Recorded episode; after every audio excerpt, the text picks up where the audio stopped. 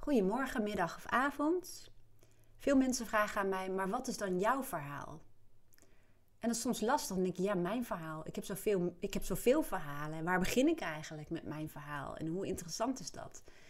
Maar goed, het wordt mij regelmatig gevraagd. Dus ik dacht, ik ga daar eens een podcast over opnemen. En dan begin ik maar gewoon bij het begin. En ik neem je gewoon even mee door mijn leven en momenten die mijn leven veranderd hebben. En belangrijke, bepalende momenten.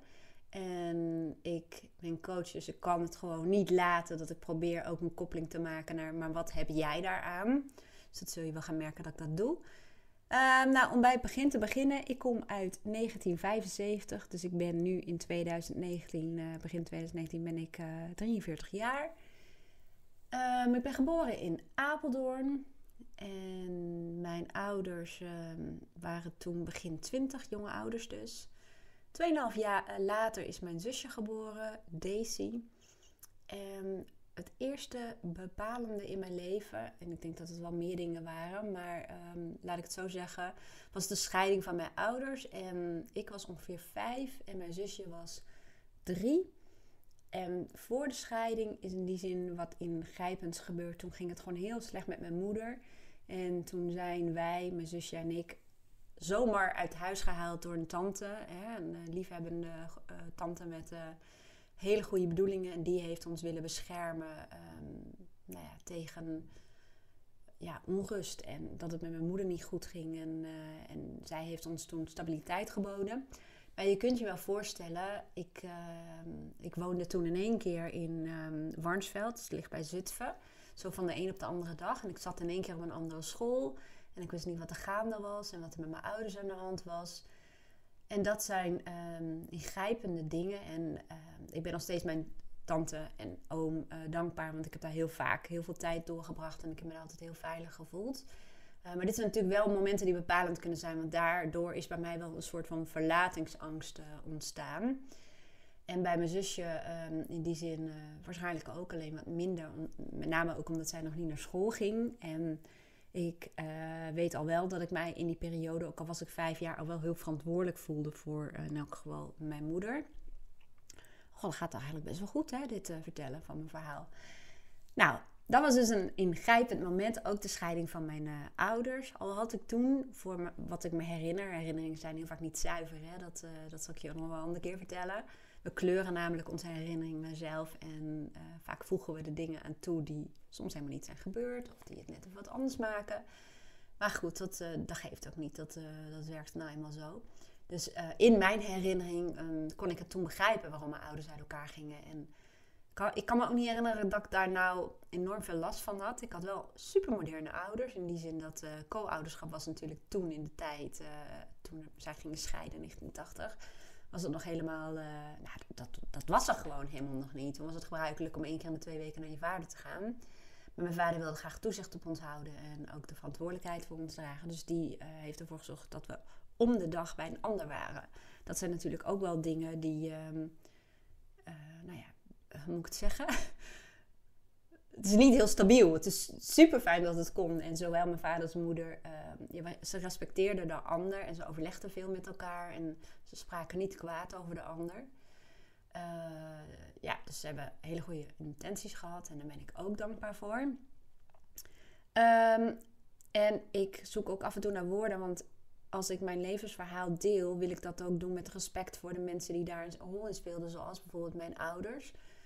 Dus um, nou, ik kan helemaal wel vertellen dat mijn moeder um, ja, niet heel erg goed in staat was om voor ons te zorgen dat ik al heel jong eigenlijk een soort ouderrol op mij genomen heb. En uit de situatie waarin ik toen in zat, um, is een, uh, ja, is, moet ik het zeggen, is een persoonlijkheidskant van mij ontstaan. En dat is dat ik heel sensitief werd voor de behoeften van een ander. Maar ik was ook enorm gefascineerd door gedrag. En uh, hoe, hoe kan het dat mensen zo verschillend reageren? En uh, hoe kan ik dat beïnvloeden zodat ik me veilig en fijn voel? Dus dat is, een, uh, dat is nu natuurlijk een specialiteit geworden, dat snap je. Maar dat is daar ergens ontstaan. En ik geloof ook wel dat je geboren wordt met bepaalde kwaliteiten en talenten. En dat dat er een van mij was die daar heel snel tot ontwikkeling is gekomen. Dus, ehm, nou ja, die scheiding en in die zin de verantwoordelijkheid die ik voelde naar mijn moeder, die, uh, die was op dat moment heel bepalend. En ik denk dat dat iets is wat ik nog steeds wel in mijn leven, uh, of dat dat mij heeft gevormd, laat ik het zo zeggen. Um, um, mijn vader is, uh, hij heeft trouwens, hij is nu, even denken, 66 geloof ik. En ze hebben bij hem een paar jaar geleden, op mijn aanraden overigens, een onderzoek gedaan. En bleek dat hij toch wat kenmerken had van autisme en hoogbegaafdheid. Um, en ook een vorm van hooggevoeligheid. En mijn vader heeft ons, mij en mijn zusje, heel erg opgevoed met feiten, feiten, feiten, feiten, feiten. Hij heeft ons altijd heel erg leren nadenken. Hij gaf ons een aantal waarden mee. En dat is zorg dat je financieel onafhankelijk bent. Ja, voor niks gaat de zon op. Je moet het zelf doen. En zorg dat je later ook voor jezelf kan zorgen. Op eigen benen kan staan. Niet afhankelijk bent van anderen. En zeker ook niet van een man. Um, hij heeft ons heel erg meegegeven om altijd en alle tijden uh, zelf te denken. Om waarheden die worden verkondigd, om die niet zomaar aan te nemen. Maar om altijd zelf een beeld te vormen. Daar ben ik ook heel blij mee, want dat doe ik nog steeds. En, um, wij moesten ook alles feitelijk beargumenteren. Mijn vader zei: Je mag alleen maar met mij een discussie aangaan als je uh, argumenten hebt die uh, feitelijk zijn. Dus dat was natuurlijk nogal een uitdaging voor twee van die kleine hubbeltjes. En ja, maar goed, dat, dat heeft ons natuurlijk wel enorm gevormd. Wij moesten gewoon ons hoofd gebruiken, rationeel zijn en, en emoties en gevoelens kregen overigens dan natuurlijk minder ruimte. Mijn moeder daarentegen was juist heel erg gevoelig. En uh, ja, ik had, zat dus eigenlijk in twee werelden, wat ook wel weer grappig was. En um, ja, ze was gevoelig. Um, en ja, wat wou ik daar nou eigenlijk over zeggen? Uh, nou, in ieder geval dat het behoorlijk contrast was. Twee werelden, maar ook een wereld waarin mijn vader bijvoorbeeld een goede baan uh, had. Hij zat uh, in de IT en uiteindelijk werd hij manager. En mijn moeder die zat in de bijstand. Dus twee verschillende werelden. En ik denk dat dat ons ook wel heel gevormd eh, heeft. Wij woonden bij mijn vader in een buurt met allemaal mensen die nou ja, hoog opgeleid waren en goede inkomens hadden. En uh, bij mijn moeder in de buurt um, nou ja, waren veel mensen in de bijstand. Dus dat was een beetje ja, het straatleven. En ik zat in allebei de werelden. En ik hoorde bij allebei de werelden hoorde ik er niet helemaal thuis. Want in de wereld van de mensen die het heel erg goed hadden financieel en die waarvoor merkkledingen zo heel belangrijk was, ja, daar voelde ik me ook niet helemaal thuis. Want dat, ik, ja, ik was al jong een denker. Ik was al aan het denken, denken, denken. En ik vond dat met die uh, merken, ik wou ook wel merkleren, moest ik trouwens zelf voor werken. Maar ja, dat je daar je, ja, moet ik het zeggen, je waarde aan ophing, dat kon ik niet begrijpen. Dat, dat voelde ik ook niet zo. En bij, uh, in de wereld van mijn moeder, om het zo te zeggen, of in de straat van mijn moeder. Dat waren veel mensen met, uh, of kinderen waar ik mee omging uit probleemgezinnen. En daar voelde ik me ook niet thuis. Want ik had het gewoon naar mijn zin. Want ik had heel veel vrienden en vriendinnen. Maar um, ik voelde me altijd wel anders. In beide werelden. Want ik was, wat dat betreft, ben ik, was ik, als ik terugkijk, denk ik, ik was echt wel heel braaf kindje. En ook later, toen, uh, toen ik ouder werd, dus in mijn puberteit, de tienertijd, uh, heel veel mensen om me heen bloden en rookten en ronken. Nou, ik kan je vertellen, ik ben in mijn hele leven nog nooit dronken geweest. Ik heb nog nooit gerookt, nog nooit gebloot. Maar ik zat wel in die wereld en ik vond het a-eng. Heel veel mensen zeggen, wat knap zeg, dat je niet liet beïnvloeden. Ik liet me zeker niet zo beïnvloeden. En dat had met name ook wel te maken, denk ik, met dat ik altijd mijn eigen koers wilde varen, zelf na wilde denken. En ja, ik, weet, ik was er ook niet gevoelig voor. Dus het was helemaal niet knap dat ik me niet liet verleiden. Want er was geen verleiding. Plus, ik denk dat mij ook geholpen heeft dat ik gewoon het allemaal wel een beetje eng vond. En dat ik de controle niet uit handen wilde geven. En die controlekant, het uh, willen hebben van controle. Ik ga even anders zitten.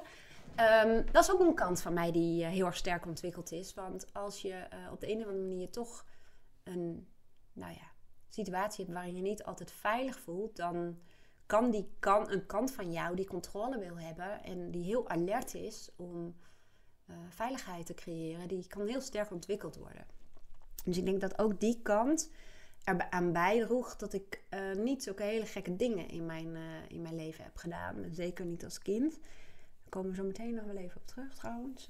Um, mijn schooljaren. Ik um, moet zeggen, op de basisschool was ik en geliefd En ik werd gepest.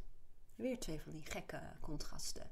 Er waren, en ehm, als ik die herinnering terug probeer te halen, er waren meisjes die mij pesten.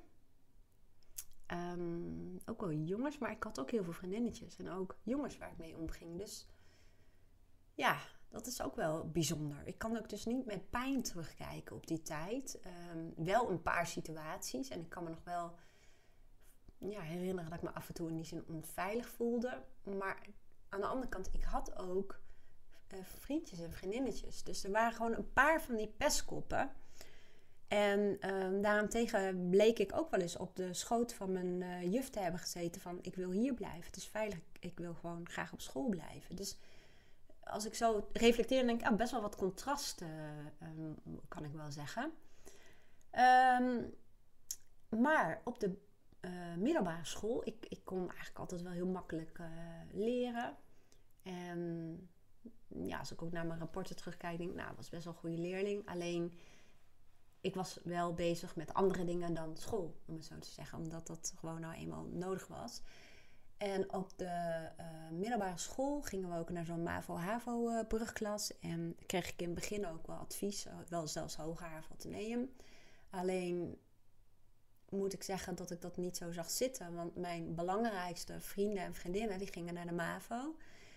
Plus, ik was heel erg gericht op het sociale gebeuren. En deed mijn huiswerk eigenlijk ook nauwelijks. Alleen de vakken die ik leuk vond, en dat deed ik dan in de klas. Ik leerde bijna niet en dat ging eigenlijk allemaal heel goed. Ik had gewoon op dat moment al niet zo heel veel drijfveren om bezig te zijn met school. Maar alleen maar om, nou ja, om te zorgen dat ik uh, doorging. Um, nou, ook op school was ik eerlijk gezegd wel een brave, brave Hendrika, zullen we maar zeggen. Want ja, dat was nou eenmaal zo. En ondanks dat mijn leerkrachten wisten dat ik uh, niks deed aan mijn huiswerk, ja, was ik wel geliefd. Want ik, was, uh, ik deed in de klas gewoon mee, ik was geïnteresseerd, um, ik had respect, weet je wel. En moet ik even denken, een belangrijk moment van mij was... Uh, ja, gezien mijn jeugd was ik in die zin al verder dan anderen. En was, ja, was ik bezig met heel andere dingen. Ik had best wel wel heel veel zorgen. En daardoor uh, voelde ik me ook niet zo aangetrokken tot uh, jongens van mijn leeftijd. Ik heb wel, dat is wel een leuk iets. Um, later, op een gegeven moment was ik een jaar of 17, heb ik verkering gekregen met Aaron.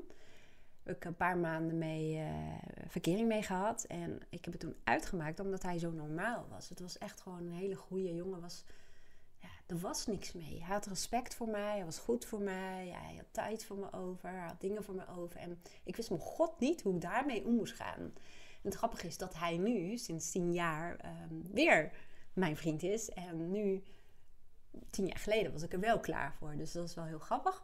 Nou, je, je voelt hem waarschijnlijk al wel aankomen. Dat, uh, nou, toen ik een jaar 15 was, toen uh, voelde ik me nou ja, ik weet niet of ik me aangetrokken voelde. Een beetje tot een, uh, een man zelfs van 21. Als ik dat terugkijk, denk ik, ja, dat mocht ook helemaal niet. Maar goed.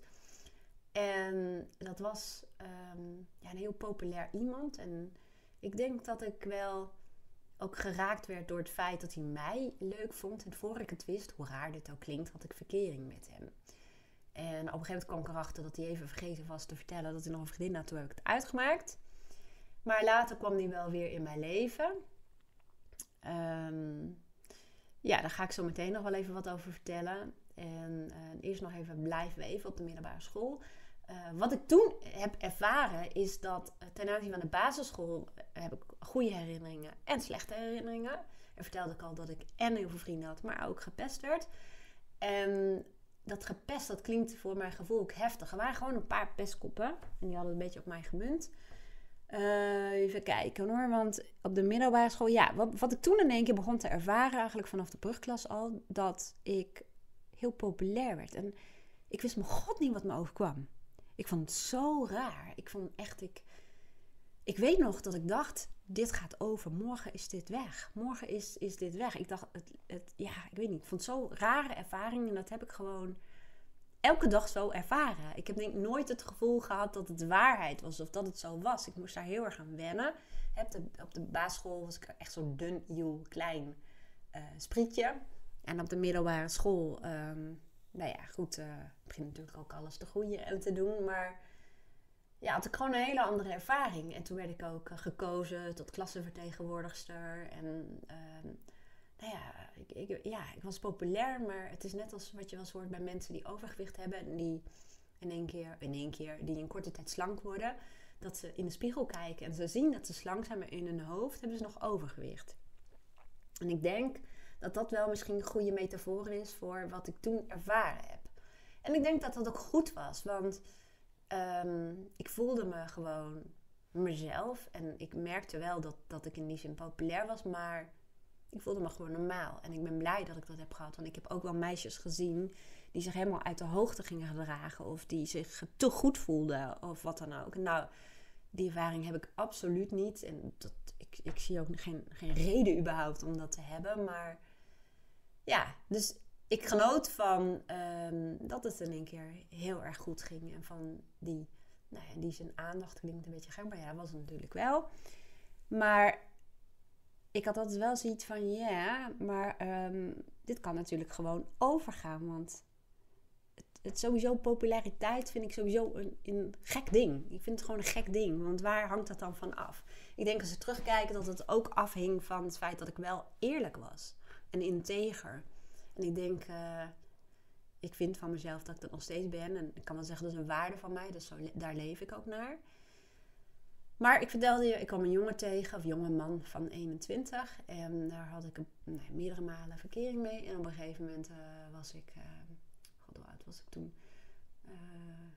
ja, 18. 18 denk ik, ja. Nou, 17. 17. Toen ben ik al uit huis gegaan. Toen trok ik al bij hem in voor een paar maanden volgens mij. Dat, weet ik dus niet meer hoe lang dat was. En op mijn achttiende woon ik daar nog even. Toen ging de relatie uit. Toen ging bij mijn moeder wonen en toen kwam ik erachter dat ik zwanger was. Over bepalende momenten in je leven. Dus ik was 18 en ik was zwanger. En uh, dan vergeet ik bijna ook nog even te vertellen dat ik op de middelbare school naar het halen van mijn diploma. Daarvoor had ik eigenlijk al een stuk uh, gesprek over wat is de volgende stap. Alleen ik had een, uh, ja, een profiel waarbij niks echt uitsprong. Ik was heel goed in economie, was heel goed in Nederlands.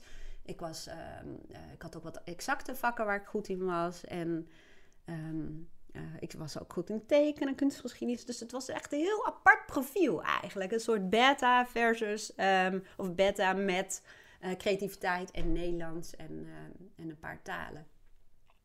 En ik wist echt niet wat ik wilde. En toen heeft mijn, hoe heet zo iemand? Ja, niet een mentor. Decaan, nou, ik weet het al niet meer. Er was in ieder geval zo'n man die, waar ik gesprekken mee had. En die zei, nou, misschien moet je maar gewoon eens uh, een tijdje uh, de praktijk gaan ervaren. Dus toen heb ik een uh, baan gevonden op een vakantiepark. En um, het voordeel van mij toen was dat ik zat al als heel klein kind altijd achter de computer. Dus ik, um, ik wist daar heel veel van. En mijn vader had me heel veel daarover geleerd. Dus geen enkele computer had nog echt heel veel geheimen voor me. En in de tijd dat ik ging werken, dus was 18, op vakantiepark, uh, als receptioniste, uh, was voor hun een computernetwerk nog echt abracadabra. En waren ze heel blij dat ik daar verstand van had en volgden ze me heel veel erover. En dan mocht ik daar heel veel mee doen. Want normaal gesproken zou je zeggen van, um, dan kun je natuurlijk niet heel ver komen met in eerste instantie alleen maar je middelbare schooldiploma. Um, nou, ik kwam er dus achter dat ik zwanger was. En toen waren er eigenlijk, los van het feit, ik kon kiezen of ik het weg wilde halen. Maar ik wist onmiddellijk dat ik dat niet wilde. Uh, het was ook al uit met mijn relatie. En mijn, uh, mijn ex die had ook gezegd, ik steun je alleen maar als je nou ja, niet verder gaat, zeg maar, met het kind. Dat wou ik absoluut niet. Dus op dat moment heb ik ook echt afscheid van hem genomen. En ik voelde heel zeker, dit is wat ik wil. Ik ga gewoon voor mijn kindje zorgen, no matter what. Dus het was niet gepland, maar wel zeker gewenst. En um, coach heeft trouwens wel eens tegen mij gezegd: de vraag is of jij het niet toch onbewust wel gepland hebt. Want dat zie je wel vaker bij kinderen die um, nou, niet heel veel dingen voor zichzelf hebben gehad in hun jeugd. Dat, dat ze jong zwanger raken. Hoe raar het ook klinkt, maar hij vertelde me dat toen. En toen ging er wel een lichtje aan. Want ik weet nog wel dat ik in mijn schoolagenda zoveel plaatjes van baby's had geplakt. Dus ja, wie weet hè. Wet van de aantrekking uh, ben ik ook wel eens mee bezig. Dus wie weet heb ik het in die zin dus wel bewust, onbewust aangetrokken. Anyway, 18 jaar was ik. En nou, ik kon eigenlijk kiezen van, nou, je gaat de bijstand in en dan ga je proberen om nog een opleiding te doen. Maar dat, nou, echt alle haren die ik had, die gingen zo ongeveer overeind staan. Dat was ook dat afhankelijkheidsgevoel, dat was me meegegeven, dat wilde ik niet. Dus ik dacht, nee, ik ga een ander pad bewandelen. Ik ga werken, ik ga gewoon zelf voor mijn kindje zorgen. En dan ga ik daarnaast wel studeren. Ik heb, um, op een gegeven moment kreeg ik weer contact met uh, de vader van mijn dochter. En vond ik toen dat ik dat ook een kans moest geven om, uh, ja, om een gezinnetje te vormen. En ik wilde niet heel veel uitweiden, want nogmaals wat ik zei, ik wil niet, uh, ja, ik wil wel, ondanks dat ik het niet heb, met respect over bepaalde spelers in mijn leven praten. En ik zeg, ondanks dat ik het niet heb, want dan zou ik liegen. Maar laten we het dan maar erop houden dat um, ik heb, ben zeven jaar samen met hem geweest en dat was niet uit liefde. Dat was uit angst. En laten we maar zeggen dat hij en ik een compleet ander beeld hadden over ouderschap, uh, over respect, over het leven. Nou, over heel veel dingen. En ik was natuurlijk ook nog piepjong. Nou, hij was al zeven jaar ouder dan ik. En ik was gewoon bang voor hem. En uh, ik, ik, ja, dus dat is een relatie waar ik me uit heb moeten worstelen. Daar zal ik niet heel veel details over uh, vertellen. Um, en je merkt dat ik blijf hangen, want dat is. Uh, ik laat het maar zo zeggen. Dit, die, die periode, ze hebben het wel eens over leermeesters in je leven. Nou, dat was er één. Je hebt leermeesters die je op een uh, subtiele manier dingen leren. En je hebt leermeesters die je met de harde hand uh, dingen leren. En uh, nou ja, dat was in dit geval zo. En ik moet wel zeggen, het heeft mij en het heeft natuurlijk mijn dochter ook heel erg gevormd. Maar dat was wel een periode waarin ik uh, nog steeds aan het overleven was. Uiteindelijk is het mij gelukt om uit die relatie te komen. En ik weet nog wel dat ik een jaar lang onderzoek heb gedaan op het FIFA-forum. Weet je wel, dat blad voor vrouwen. En uh, ze hadden een forum wat heel populair was op internet. Want ik zat al meteen op internet toen het überhaupt bestond. En daar heb ik onderzoek gedaan door um, onder een uh, synoniem, onder een, uh, hoe noem je dat? pseudoniem, onder een andere naam. Met vrouwen ehm, ja, contact te hebben die deze stap al hadden gezet. En ik wilde weten hoe groot het risico was en wat ze hebben gedaan en vluchtwegen. Nou, je wilt het allemaal niet weten. Heb ik een jaar lang ben ik daarmee bezig geweest. En uiteindelijk uh, ben ik als het ware uh, ontsnapt. Daarna heb ik ook um, alleen uh, voor mijn dochter gezorgd, ook financieel. En ik heb echt nog wel pogingen gedaan om te kijken hoe, nou, hoe ik kon zorgen dat Lisa toch nog een vader in haar leven had. Maar dat is behoorlijk mislukt. En we zijn een hele tijd alleen geweest. Dat was eigenlijk de tijd waarin ik ook leerde ontdekken wat mijn eigen behoeften waren. En ja, dat was ook een tijd waarin ik uh, voor mijn gevoel een beetje rebels was tegen alle dingen die mij opgelegd waren. Hè, of die ik me heb laten eh, opleggen natuurlijk, want daar gaat het natuurlijk over. En ja, dat was wel een hele boeiende tijd. Dus ik woonde alleen met mijn dochter. Ik moest dus financieel ook alleen voor haar zorgen. Wat natuurlijk ook zorgde dat mijn inkomen, mijn baan zo belangrijk werd dat er een soort afhankelijkheidsrelatie ontstond. Ik had, was heel gedreven. Ik had echt, uh, op dat moment was ik systeembeheerder. Nou, dat snap je wel hoe dat tot stand is gekomen. Um, ik heb heel veel zelfstudie uh, gedaan. Dus in de avonduren, als ik nu terugkijk, denk ik, waar haalde de energie vandaan? Want ik was altijd bezig met leren, leren, leren, leren, verder komen. Um, veel werken en nou, heel veel dingen alleen doen. Ik had een heel rijk sociaal leven. En ik was heel ondernemend, ook met Lisa, met haar vriendinnen. En ik heb nog een tijdje een vriendinnetje van Lisa in huis gehad. Best wel een lange tijd eigenlijk. Dus uh, al met al denk ik, hoe heb ik het in godsnaam allemaal gedaan? Maar goed, ik heb het gedaan. Of wij hebben het gedaan.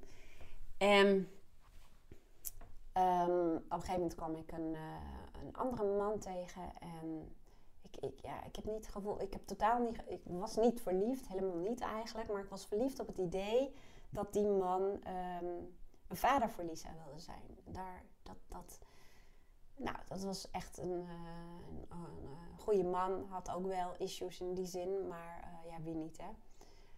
Um, maar ik voelde ergens wel, en eigenlijk alles in mij zei, dit is het niet, maar ik wilde ja, zo graag een gezinnetje zijn en zo graag een vader voor Lisa hebben en eh, een man van mij die ook respect voor me had. Nou, dat had hij absoluut. We hebben samen een huis gekocht, alleen uh, op het moment dat wij ehm, die kochten, uh, nee, op het moment dat wij die hadden gekocht en ik denk dat we een paar weken erin zaten, wist ik al, dit, dit is het niet. Ik moet deze relatie beëindigen. Dus nou, je kunt je voorstellen dat dat best wel heel ingewikkeld is.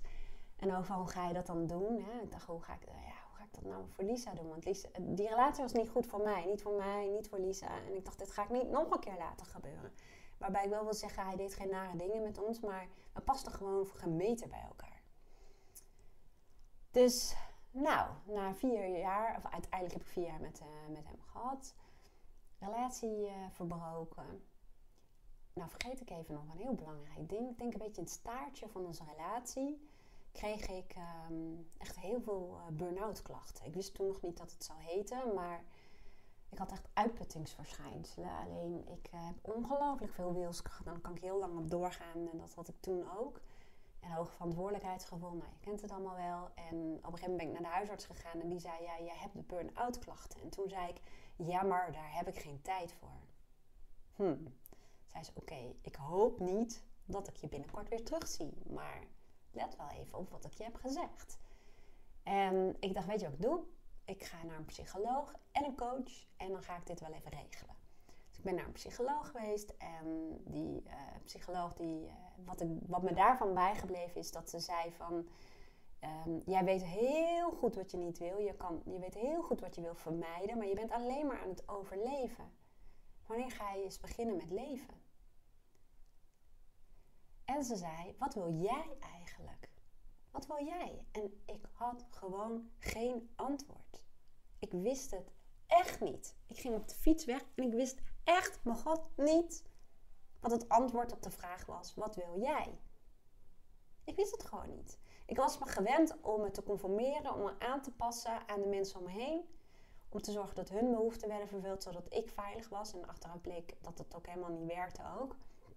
Maar ik, ja, ik. Oh. Ja, nou, het wordt bijna weer stil. Het werd nog heel erg lang stil. Ik ben toen ook naar een coach geweest en uh, ik was na 2,5 weken alweer aan het werken. Uh, nadat de diagnose burn-out gesteld was. Ik kreeg namelijk griep. Zodanig dat ik ehm, op de grond viel en gewoon zelf niet meer mijn bed in kon komen. Echt heel apart. En eerder kon ik nooit huilen, want mijn vriendinnen noemden mij koelkast. Wel mielen, dat vind ik dan wel een compliment. Maar emoties tonen, dat was echt niet wat voor mij. En toen moest ik alleen maar huilen. Zodra er een vlieg naar beneden viel of zo, dan werd ik al helemaal, uh, nou ja, nee, niet overstuur. Maar ik moest huilen. Voor mij was dat overstuur. En ik was moe, moe, moe. En mijn haren vielen uit. En ik had allemaal buisjes. En nou, ik uh, viel hartstikke veel af. Maar ik wilde door. En de bedrijfsarts zijn toen ook van types zoals jij moeten ook gewoon zo snel mogelijk weer aan het werk. Toen dacht ik, ja, je hebt helemaal gelijk. Dat is ook zo. En ik werkte bij een klein bedrijf aan met vier mensen. Ik was systeembeheerder en ik deed de communicatie en marketing. En uh, de website. Dus dat, iedereen had eigenlijk wel een soort van uh, ja, SPOC-functie noemen ze dat, hè? Single Point of Knowledge. Dus um, ja, je werd ook snel gemist. Als een van ons vier er niet was, dan merkte je dat onmiddellijk. Dus mijn verantwoordelijkheidsgevoel, mijn schuldgevoel en um, nou ja, dat er gewoon problemen ontstonden als ik er niet was, die draagt er aan bij dat ik weer snel begon. Maar dat werkt natuurlijk niet als je blijft doen wat je doet. Dus um, ik had op dat moment nog de ballenverstand van energiemanagement. Dat is iets wat ik trouwens met heel veel mensen doe die, uh, die een burn-out hebben, die bij mij komen. Dus hoe verdeel je energie? En hoe kun je dat beter doen? Wat zijn je valkuilen? Hoe plan je je dagen? Nou, dat soort dingen zal ik je nu verder niet mee vervelen. Ik had er toen nog de ballen verstand van. Zeg maar gerust niet. En daar ging ik weer. En ik ben meerdere keren in die zin teruggevallen. Meerdere keren dat ik weer griep kreeg. En dat ik weer een paar weken zelfs uit de running was. En ik vond het echt verschrikkelijk. Ik voelde me echt een loser. En op een gegeven moment dacht ik... Weet je wat? Als ik dan toch al in stukken uiteen lig op de grond... Waarom zal ik er nu niet voor kiezen om mezelf dan weer goed in elkaar te zetten? Want anders gaat het zich herhalen. Anders wordt dit een patroon in mijn leven. Dus... Um, nou, dat zo gezegd, zo gedaan. Ik kwam op een gegeven moment in aanraking met het boek uh, Het geluk in jezelf van Deepak Chopra. Nou, dat heeft echt als een soort bliksem. Uh, ja, het voelt als een bliksem in mijn leven. Alsof de bliksem bij me insloeg. Want Ik ben heel rationeel opgevoed, heel feitelijk, heel erg met uh, nou ja, wetenschappelijke dingen en dat soort dingen. En uh, Deepak Chopra die combineerde wetenschap met spiritualiteit. En dat was voor mij een veilige overgang naar mijn gevoel. En um, ja, ik las daarover over synchroniteit en over natuurwetten.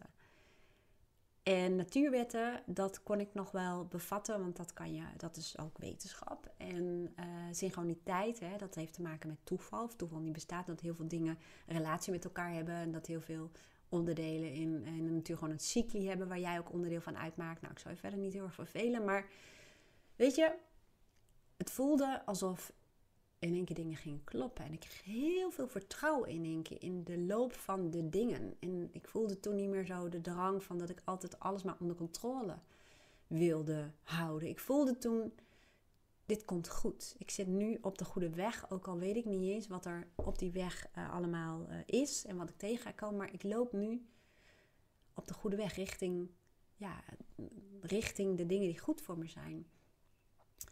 Op een gegeven moment kreeg ik ook een. Uh, op een gegeven moment kreeg het bedrijf waar ik werkte ook een. Ja, hoe moet ik dat zeggen? Een standje, omdat ik het initiatief van het herstel kwam vooral uit mij. Ik had behoorlijk wat geld en, en tijd erin gestoken om zo snel mogelijk te herstellen. Want dat was wel een van mijn kenmerken, zo snel mogelijk alles. En toen moest ik alsnog een coachtraject doen. Dat ik echt dacht, ja, lekker dan. Ik ben alweer, ik ben alweer aan het werk. Uh, ik, was, ik weet niet hoeveel procent ik werkte, maar wel veel. En ik dacht, dan moet ik dat nu nog doen. En ik had zo'n weerstand. Ik denk, dit heb ik zo geen zin in. Maar ik kan wel zeggen dat het wel een zegen was. Want um, ze hebben bij mij een hersenhelftdominantietest gedaan. Omdat zowel mijn linker als mijn rechter hersenhelft waren allebei even sterk ontwikkeld. En dat meestal als een van beiden sterker ontwikkeld. En dat uh, ze zeiden dat zijn, uh, het zijn conflicted partners. Dus ze waren in conflict met elkaar. Aan de ene kant ik, eh, had ik heel veel um, behoefte aan structuur, ritme, systemen. En aan de andere kant was ik heel creatief, avontuurlijk. Um, continu hang naar uh, groei, ontwikkeling, uh, nieuwe dingen, prikkels, uitdaging. En die twee kanten beten elkaar. En dat merkte ik in alles van mijn leven. En ik kreeg daar ook absoluut geen goede balans in. Dat was heel, heel vermoeiend. Toen heb ik die hersenhelft-dominantietest gedaan. Toen ben ik gecoacht op, um, uh, op het zorgen dat het supportive partners werden. Zodat het ook je kracht is dat allebei je hersenhelften heel goed ontwikkeld zijn. Hè? Dus bij wijze van spreken het, um, ja, moet ik zeggen, het creatieve uh, deel en het meer analytische deel. Dat was echt een heel mooi traject wat ik heb gedaan. En uh, ze hebben toen ook energiemanagement met mij gedaan. Dus hè, hoe, hoe, ga je om met de beschikbare energie die je, die je hebt? Hoe zorg je dat je aan je energie uh, gaat bouwen? Hoe zorg je ervoor dat je beter gaat doseren? Dus dat neem, heb ik ook allemaal meegenomen. Ook uit eigen ervaringen. En het verfijnen van de techniek in mijn, in, ja, in mijn baan nu. Hè, dus als coach. Dus dit doe ik ook met mensen. Dat heeft echt wel mijn leven veranderd. Maar dan komen we bij een, um, ja, ook een uh, super belangrijk moment. Er zijn zoveel belangrijke momenten. Ik denk dat als ik deze podcast vol zal praten met belangrijke momenten in mijn leven, nou dan zal ik je vragen: heb je nog even? Dan reserveer de avond maar. Dus dat zal ik niet doen. Misschien ben je nu al wel afgehaakt. Maar um, ja, waar ik toen mee in aanraking kwam tijdens mijn uh, studie communicatie, uh, in Utrecht was dat was een college waarin een, leraar zei: Als je geen eigen plan hebt, word je onderdeel van het plan van een ander. En hij vertelde me ook over kernwaarden van een bedrijf. Dus het was heel erg gericht op organisaties en hoe, hoe, belangrijk het is dat een organisatie kernwaarden heeft en ze ook kent. En op basis daarvan ook onderneemt en bijvoorbeeld ook personeel werft. En dat je daardoor ook heel erg onderscheidend bent. En dat, dat het een soort innerlijk kompas is eigenlijk voor je, of niet in een kompas voor het bedrijf. En toen dacht ik, hé, hey, als ik dit nu eens op mezelf projecteer, als ik dit nou eens voor mezelf gebruik, als ik mezelf nou eens zie als een bedrijf, hoe is het dan eigenlijk met mijn kernwaarden gesteld? Dus ik heb op de terugweg, ik ging toen nog met de trein, heb ik een schrift gekocht en dat heette Persoonlijke Waardeplan van Wendy, had ik erop geschreven. En toen ben ik een onderzoek gaan doen naar wat zijn mijn persoonlijke waarden. En toen ben ik, na een paar weken, ik heb een plus-min lijstje bij uh, gehouden van wat, welke dingen krijg je energie van en welke niet. Nou, noem het maar op. En na twee weken kwam ik erachter dat een groot deel van mijn leven ingericht was op basis van Nou ja, je snapt het al wel. De plannen van iemand anders. Ik deed echt ongelooflijk veel dingen die ik deed uit een verantwoordelijkheidsgevoel, verplichting. Omdat, ja, omdat, ik weet het niet eens. Sommige beslissingen, ja, je zegt soms ja op dingen. En er klopt eigenlijk geen ene hout van, zeg maar. Dus ik dacht, dit zijn mijn persoonlijke waarden. En dit is hoe ik mijn leven op dit moment leid. En ik zag in één keer als een soort, ja, hoe moet ik dat nou zeggen? Zo'n, zo'n, zo'n uh, weet je wel, zo'n doorzichtig blaadje, zo'n overtrekblaadje. Uh, stel dat op dat overtrekblaadje stonden mijn persoonlijke waarden. En die legde ik over mijn leven heen. En ik zag in één keer aan de buitenkant. Ja, moet ik dat nou zeggen? Ik zie dat al helemaal voor me. Hè? Bijvoorbeeld uh, een rondje had ik getekend. Daarin zaten mijn persoonlijke waarden. En alles wat daar niet bij hoorde, viel buiten dat rondje. En dat was nogal wat. Ik kan nogal rigoureus zijn. Dus ik zag dat heel veel activiteiten, verplichtingen, uh, taken vriendschappen, um, nou ja, weet ik veel, van alles en nog wat, uh, droegen niet bij aan mijn waarden en dus aan wie ik was. En ik heb een streep doorheen gezet. Echt door vriendschappen, door uh, taken. Ik, heb, um, nou ja, ik ben ook bezig gaan met een andere carrière, carrière move. Uh, relatie heb ik een streep doorgezet. Nou ja, ik kan nog wel even doorgaan. Uh, ik was toen voorzitter van de medezeggenschapsraad van school. En dat, dat droeg ook niet meer bij aan mijn waarden. Dat ging al veel te sloom in mijn ogen. En lag persoonlijk niet uh, per se aan, uh, of helemaal niet aan de groep. Maar wel dat ja, ook scholen soms best wel log zijn qua besluitvorming en dat soort dingen. En ik dacht, ja, ik steek daar heel veel tijd in. Ik repareer er ook iedereen's computer. Nou, dat vond ik eigenlijk ook eenmaal, helemaal geen ene nou ja, ruk meer aan, om het zo te zeggen. Maar de mensen, zoals mijn dochter, mijn uh, familie, mijn uh, vrienden, de mensen die echt belangrijk voor me waren, die kregen bij wijze van spreken de restjes voor mijn gevoel. Dus ik had ook altijd schuldgevoel. En tijd voor mezelf, nou dat was al helemaal iets wat, uh, wat niet voorkwam in mijn leven bijna. Dus ik dacht, ik doe iets helemaal niet goed. Dus nou, nogmaals, ik heb toen allerlei dingen uit mijn leven gehaald. En toen dacht ik, oké, ik heb nu heel veel ruimte. Ik voel nog hoe het voelt, hoeveel ruimte er vrij kwam. En toen ben ik um, dingen. Ik heb meteen de ruimte gebruikt om meer te gaan doen van de dingen die mij wel gelukkig maakten. En de mensen vooral die mij gelukkig maakten. En dat is echt een keerpunt in mijn leven geweest. Dat, en dat is een proces. Hè? Dat was niet een eh, knopje wat ik eventjes uh, net even uh, indrukte en klaar. Nee, dat was een proces. Maar wel een snel proces en alles begon te kloppen. Dus heel veel dingen, ook die, nou, wat ik zei, die synchroniteit. En um, nou, dat ik meer bij mijn gevoel kon. Die kon ik meer inzetten. Ik voelde meer, maar ik uh, snapte de functie van mijn emoties ook steeds beter. En ik luisterde heel erg naar mijn behoeften. Ik wist wat mijn waarden waren. En dat gebruikte ik als een soort kompas. Dus bij elke keuze die ik toen ging maken, dacht ik in hoeverre draagt het bij bij de dingen die ik belangrijk vind, bij mijn waarden. En dat was echt een ja, verademing, kan ik wel zeggen. Echt een verademing. En dat wil niet zeggen dat je geen tegenslagen meer hebt, hè? want ik heb daarna echt uh, nou, behoorlijk nog wat tegenslagen gehad. Alleen wel dat innerlijke kompas leidde me wel steeds meer. En ik werd steeds autonomer, steeds authentieker. Ik ging steeds meer staan voor wie ik was. En ik merkte dat kritiek van de buitenwereld of mensen die vonden dat ik het op een bepaalde manier moest doen, het, ik voelde het wel, maar het beïnvloedde me steeds minder. Ik had steeds minder de neiging om bij te dragen aan de plannen van een ander, tenzij ik daar zelf achter stond. En ik voelde gewoon steeds meer ruimte. Ik voelde me steeds zelfverzekerd, steeds meer zelfvertrouwen. Al denk ik niet dat ik, dat, dat iets was waar ik, ja, moet zeggen, heel veel last van had. Maar, uh, want, nou ja, nogmaals, ik heb altijd gekoerst op mezelf. Dus dat is ook een kwestie van zelfvertrouwen. Zelfverzekerdheid vind ik trouwens wel weer wat anders. Maar ik voelde me steeds steviger. Ik denk dat dat het goede woord is. Ik voelde me steeds steviger. En ik voelde me steeds in die zin uh, gelukkiger. En ik voelde steeds meer wat een contrast was wanneer ik in een soort van contrastervaring zat. En ik was steeds beter in staat om uit die contrastervaring te halen wat ik dan wel belangrijk vond. Dus ik, was, ik kreeg steeds meer de regie over mijn leven. dat is gewoon een heel fijn, fantastisch gevoel. En ik denk dat dat ook het moment is waarop ik leerde om te leven in plaats van te overleven.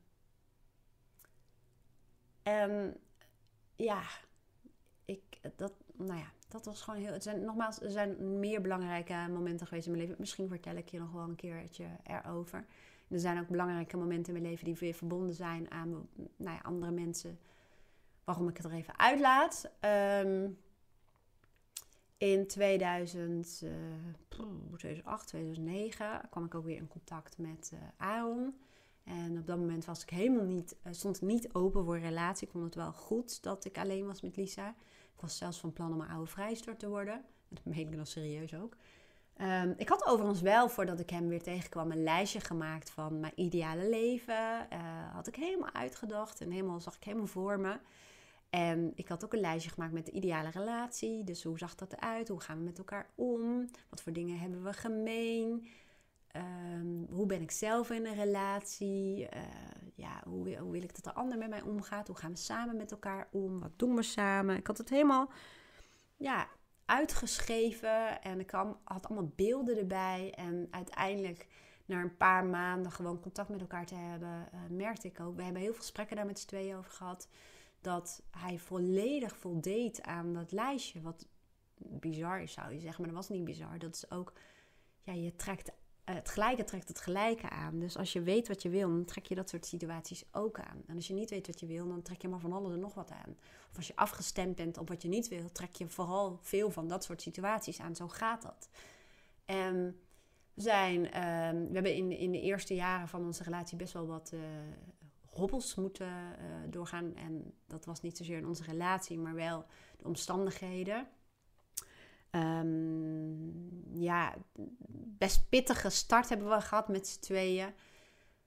En dat, daardoor leerden we elkaar heel goed kennen. We waren echt maatjes uh, in die situaties, om het even zo te zeggen. We hebben tijd gewacht om samen te wonen. Allemaal heel rustig opgebouwd. En we zijn na tien jaar nog steeds samen. En het voelt nog steeds, aan de ene kant voelt het alsof we elkaar heel goed kennen. Dat is ook zo. Aan de andere kant voelt het allemaal nog nieuw en vers. En dat is, ja, voor mij ook gewoon een hele fijne ervaring. En ja, dat komt ook omdat ik zelf zo veranderd ben. Omdat ik zelf zo goed weet wat ik wil. Omdat ik het belangrijk vind. En omdat ik niet meer uh, van plan ben om uh, mezelf te verloochenen. Dus ik voel me gewoon in mijn relatie ook een individu. We hebben elkaar niet nodig, maar uh, ja, we zijn heel graag samen. Dus we willen graag samen oud worden. Maar niet omdat we elkaar echt nodig hebben, om het zo te zeggen. We, maken elkaars leven ook niet compleet. We maken elkaars leven ook leuk. Mijn leven was al leuk, alleen met mijn dochter.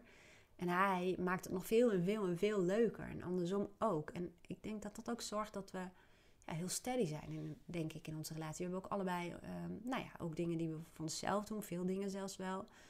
We hebben veel gesprekken, diepgaande gesprekken. We zijn samen ook bezig met waarden. We maken samen wishlists.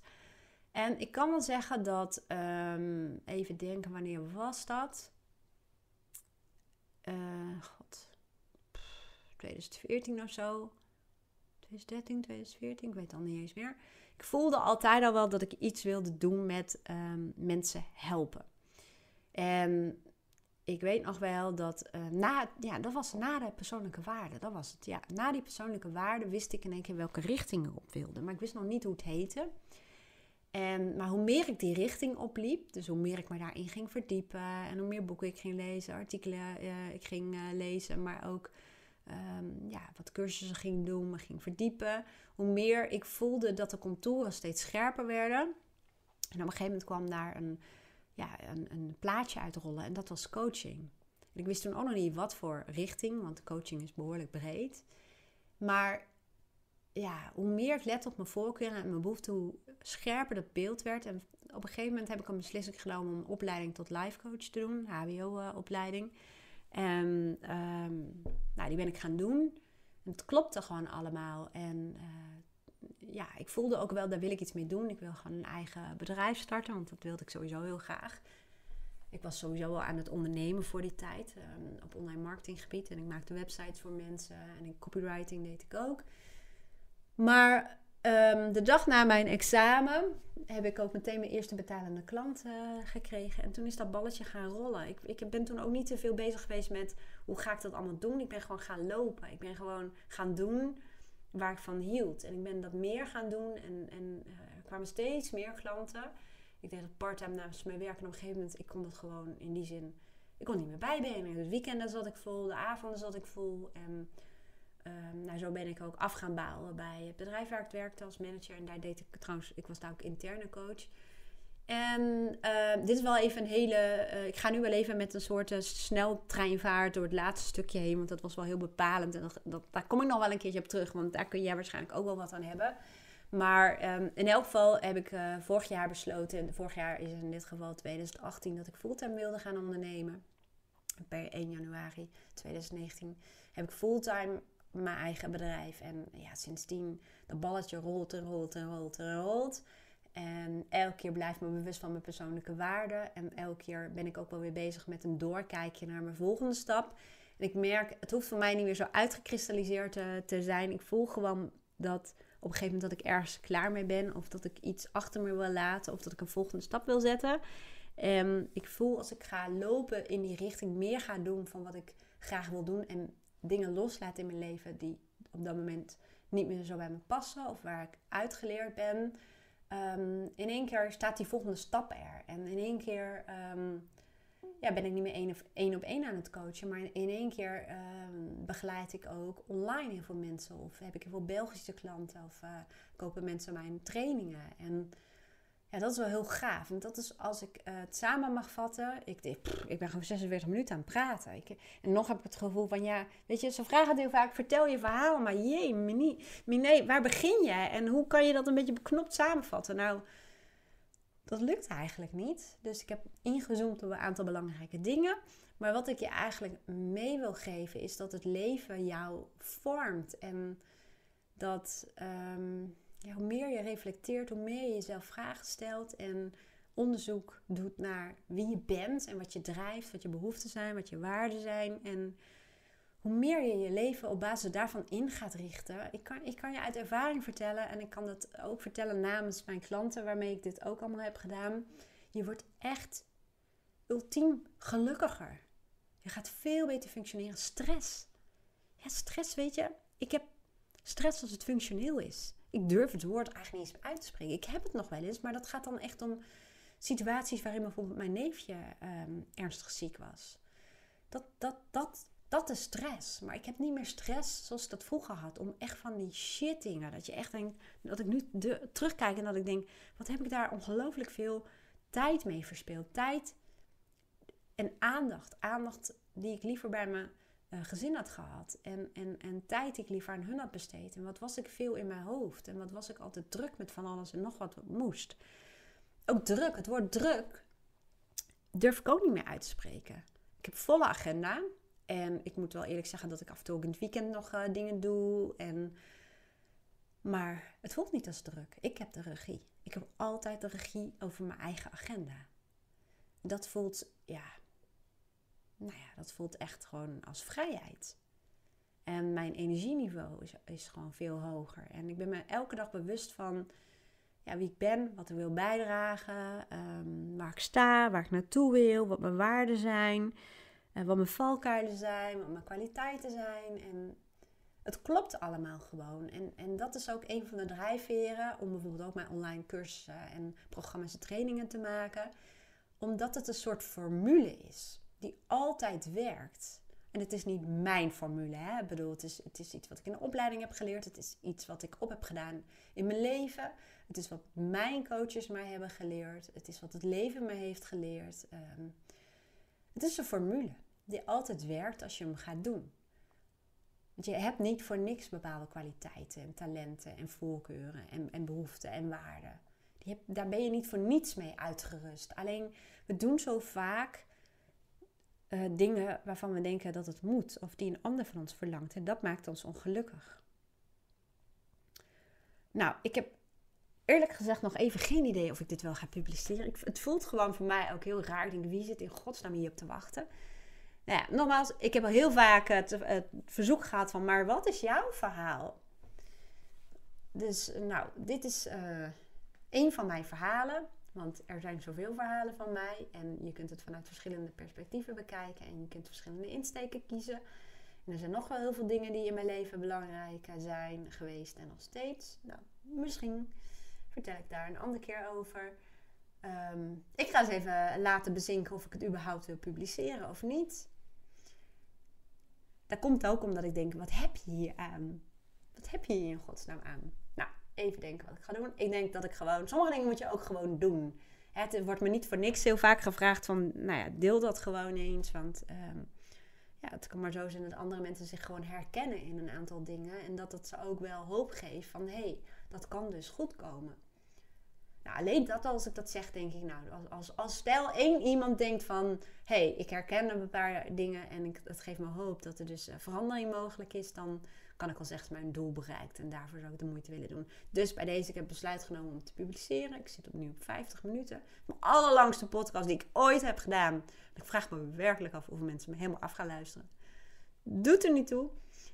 Mocht jij wel de 50 minuten gehaald hebben, nou dan wil ik je heel erg bedanken voor het luisteren. En ik hoop echt dat je er iets aan hebt gehad. En um, nou, ik hoop je ook wat vaker uh, terug te zien, om het zo te zeggen. Um, abonneer je bijvoorbeeld op mijn YouTube-kanaal. Dan vind je nog meer podcasts, allemaal veel korter dan deze. En tot slot, ik wil afsluiten met: ik ben natuurlijk ook benieuwd naar jouw verhaal. En als je er iets aan hebt gehad, of als het je inzicht heeft gegeven of aan het denken heeft gezet, dan laat me dat even weten. En ik snap best dat het lastig is om onder de YouTube te zetten of op mijn website, maar laat het me gewoon even weten. Ik wens je een hele fijne dag en ik hoop tot de volgende keer.